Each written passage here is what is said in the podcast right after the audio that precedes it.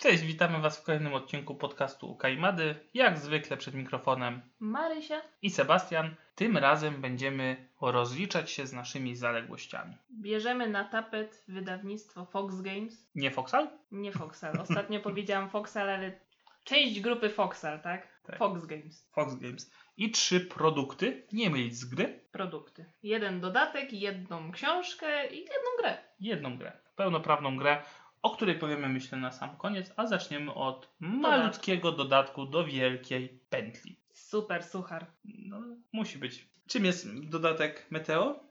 Dodatek Meteo to jest y, takie coś zawinięte, taki kawałek kartonu zawinięty w folikę. w której to folice znajdujemy cztery planszetki, 13 żetonów i instrukcje. I tyle. Powiem szczerze, że byłam trochę zszokowana, jak to zobaczyłam, bo no, nie jestem przyzwyczajona do tak malutkich dodatków. Ja, ja tego nawet chyba nie widziałem, bo Nie, ja to rozpakowywałam, bo w ogóle przyniósł go nam kurier, więc to jak wróciłem do nie domu, musiał to się nanosić. ju, już było w pudełku z Już podstawką. było, No i wprowadza warunki pogodowe do naszego turnieju Tak, co kolarskiego. może wprowadzać dodatek meteo? No pogodę. Dokładnie. A ponieważ Pogodę, która w taki sposób dość kosmetyczny zmienia nam, yy, delikatnie zmienia nam zasady gry w danym miejscu, gdzie dana pogoda się, się dzieje. może być wiatr w plecy, może być wiatr przeciwny, wtedy albo dostajemy albo jedną więcej kartę, albo dostajemy jedną mniej kartę na koniec tury. Może wystąpić wiatr boczny, wtedy nie działa na naszych kolarzy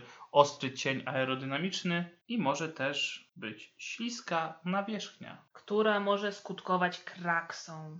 Nasz kolarz nie był w stanie wyhamować przed poprzedzającym go kolarzem i po prostu się wywrócił, a na niego wpadł kolejny, kolejny, wielka kraksa, wreszcie coś się dzieje, ludzie we, przy Eurosporcie się cieszą. Tak, Sebuś jedzie z przodu i nic mu się nie stało, a Marysia i y, pozostali gracze kłębią się na drodze. No i chyba o to chodzi. I to jest wszystko, co można powiedzieć o tym dodatku. Dodaję bardzo niewiele. Są to zmiany, no nie mogę powiedzieć kosmetyczne. No ja już powiedziałam, że kosmetyczne.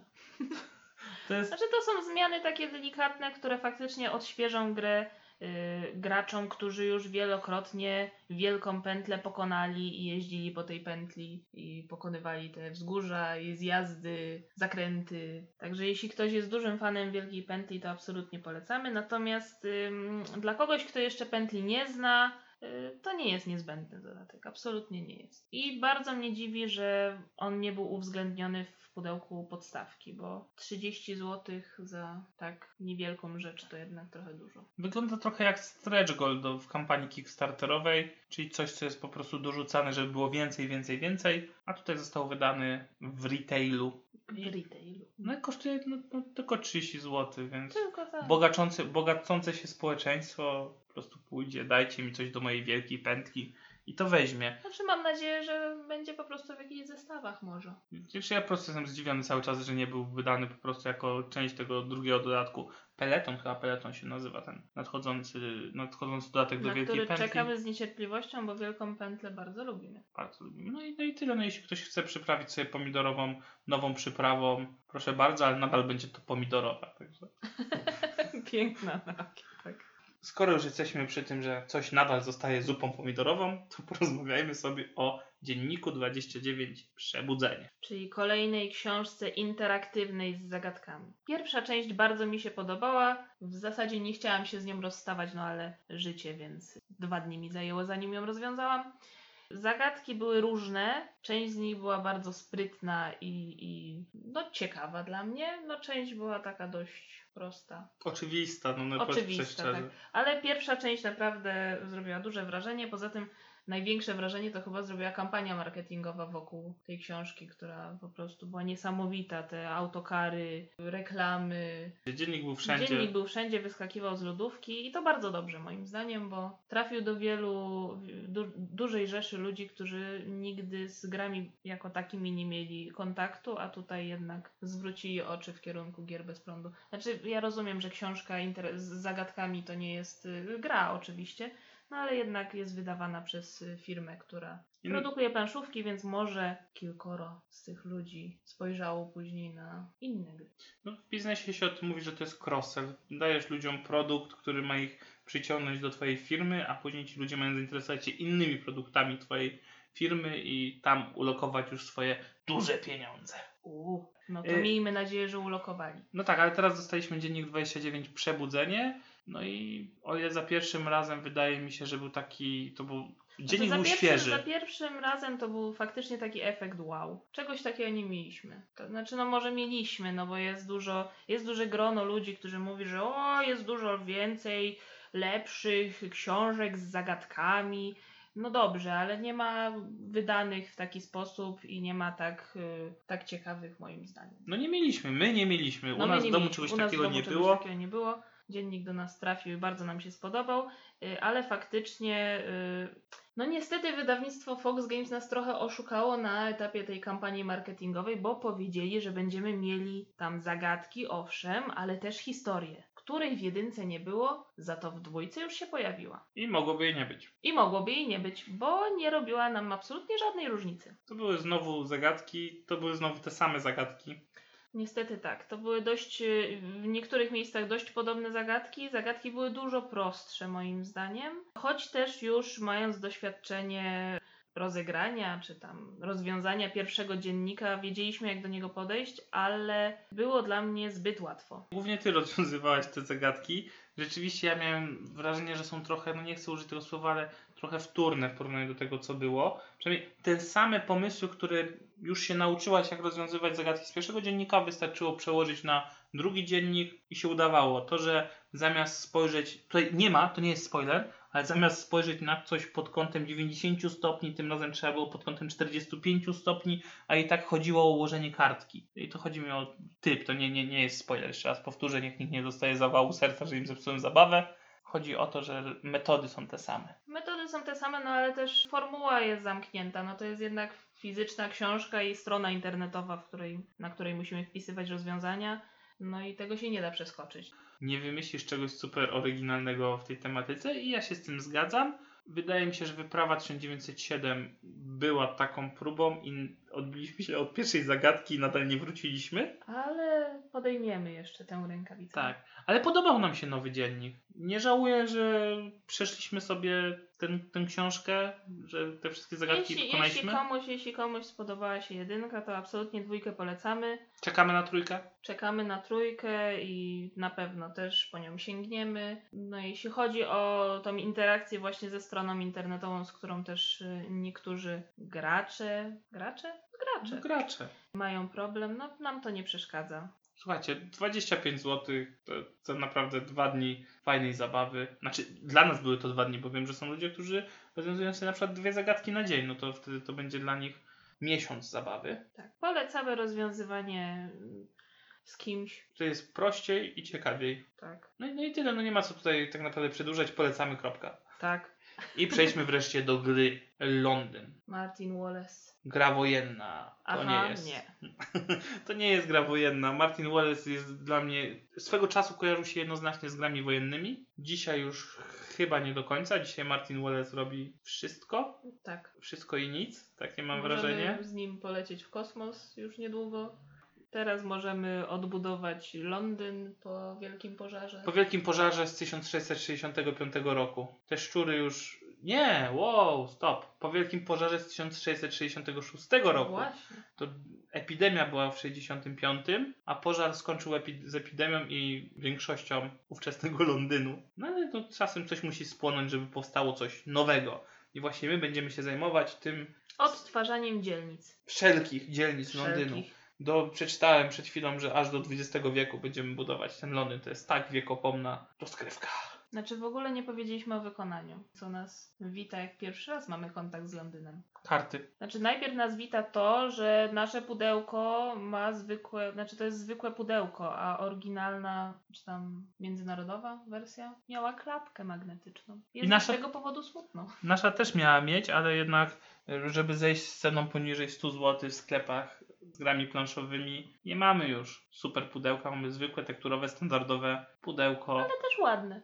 Znaczy W- minimalistyczne, ale mi się podoba. Znaczy nie, no jest, i- to trzeba przyznać jest ładne. W środku też to, ta gra jest ładna. Wykonanie jest ok.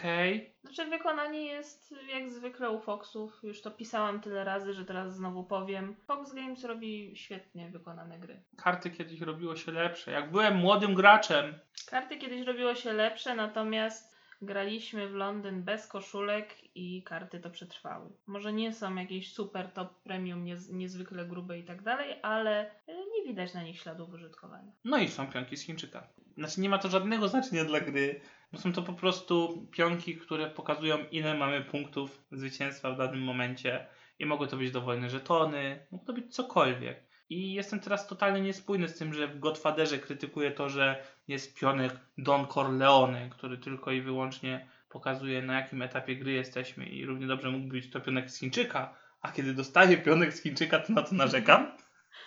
Ale zdziwiłem się, zdziwiłem się, że to taki, taki zwykły pionek niczym z XX wieku z gier planszowych. No Nie ja ma- tam się ucieszyłam, mi to nie przeszkadza. Znaczy ja to bardziej tak, ja, się, broń, ja tego nie krytykuję, ja się uśmiecham i mnie to dziwi. Dziwi mnie, że jeszcze ktoś po prostu, który z tych chińskich fabryk coś takiego Że jeszcze sprzedaje. mają w ogóle wzór Tak. pionków z Chińczyka, przecież nikt nie gra w Chińczyka, prawda? Ale dobrze, nasze, nasze dziecko kiedyś dostanie grę Londyn i otworzy i się zapyta o tato, co to? Co to za pionek? Gdzie są moje meple? A ja powiem, synku, to jest to, co masz w logo naszego podcastu. No tak, A to to, to, to teraz rozumiem, co tam jest. Choć tego chyba nie będzie w logo, bo chyba jest kostka, ale kostka. kostka. Ale mogło być. A o co chodzi w samej grze?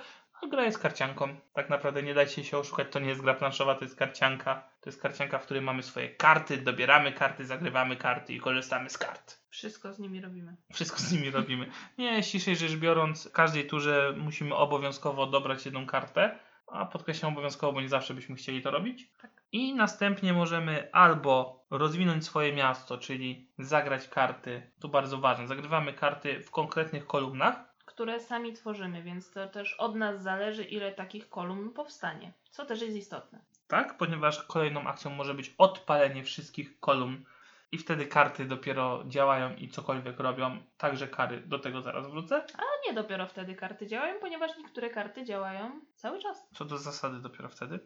Możemy kupić ziemię, czyli dzielnicę, która będzie nam dawała natychmiastowy i stały bonus Tak. i lub, I lub. a także możemy dobrać trzy karty. No a na koniec tury, jeśli mamy więcej niż 9 kart, musimy odrzucić nadmiar. I po co nam w ogóle te karty? No po to, żeby odbudować Londyn.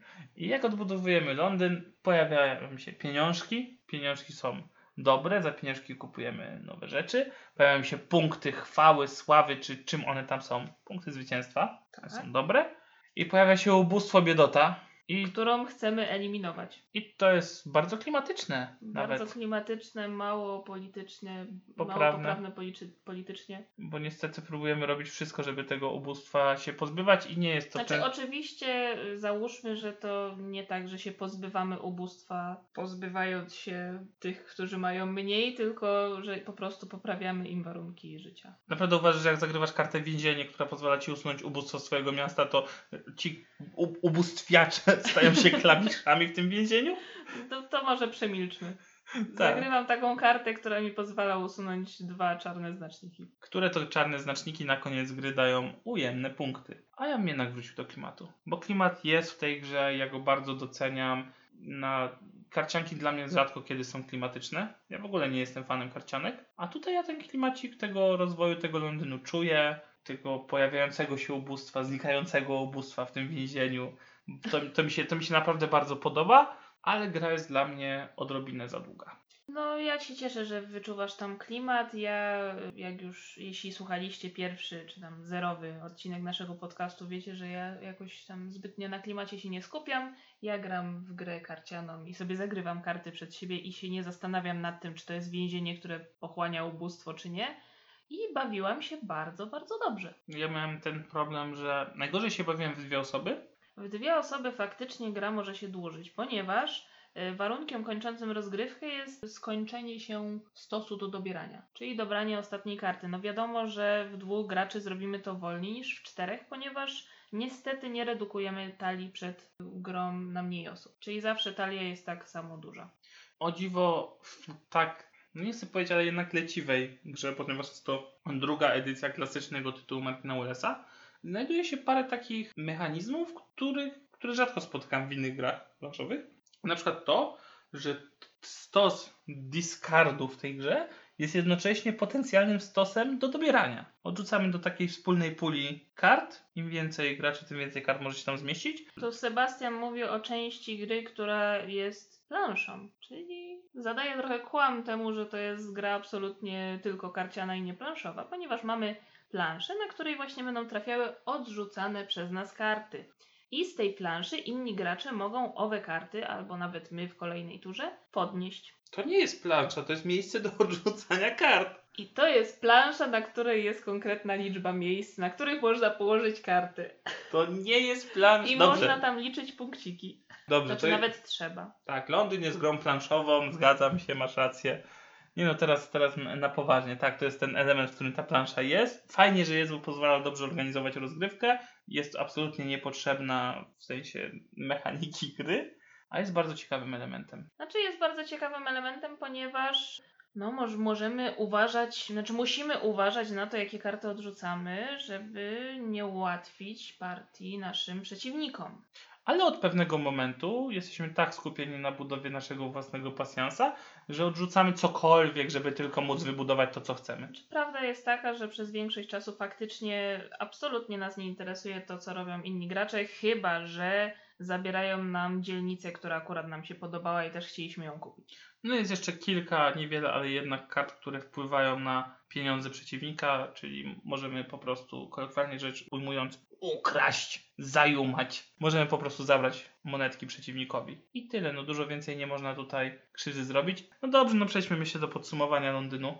Podsumowanie jest takie, że mi się bardzo podobał, Sebastianowi niekoniecznie. Najpierw zaczęliśmy od grania na dwie osoby z wiadomych przyczyn, no i faktycznie druga połowa gry już potrafiła zmęczyć. Już czekaliśmy z niecierpliwością na koniec.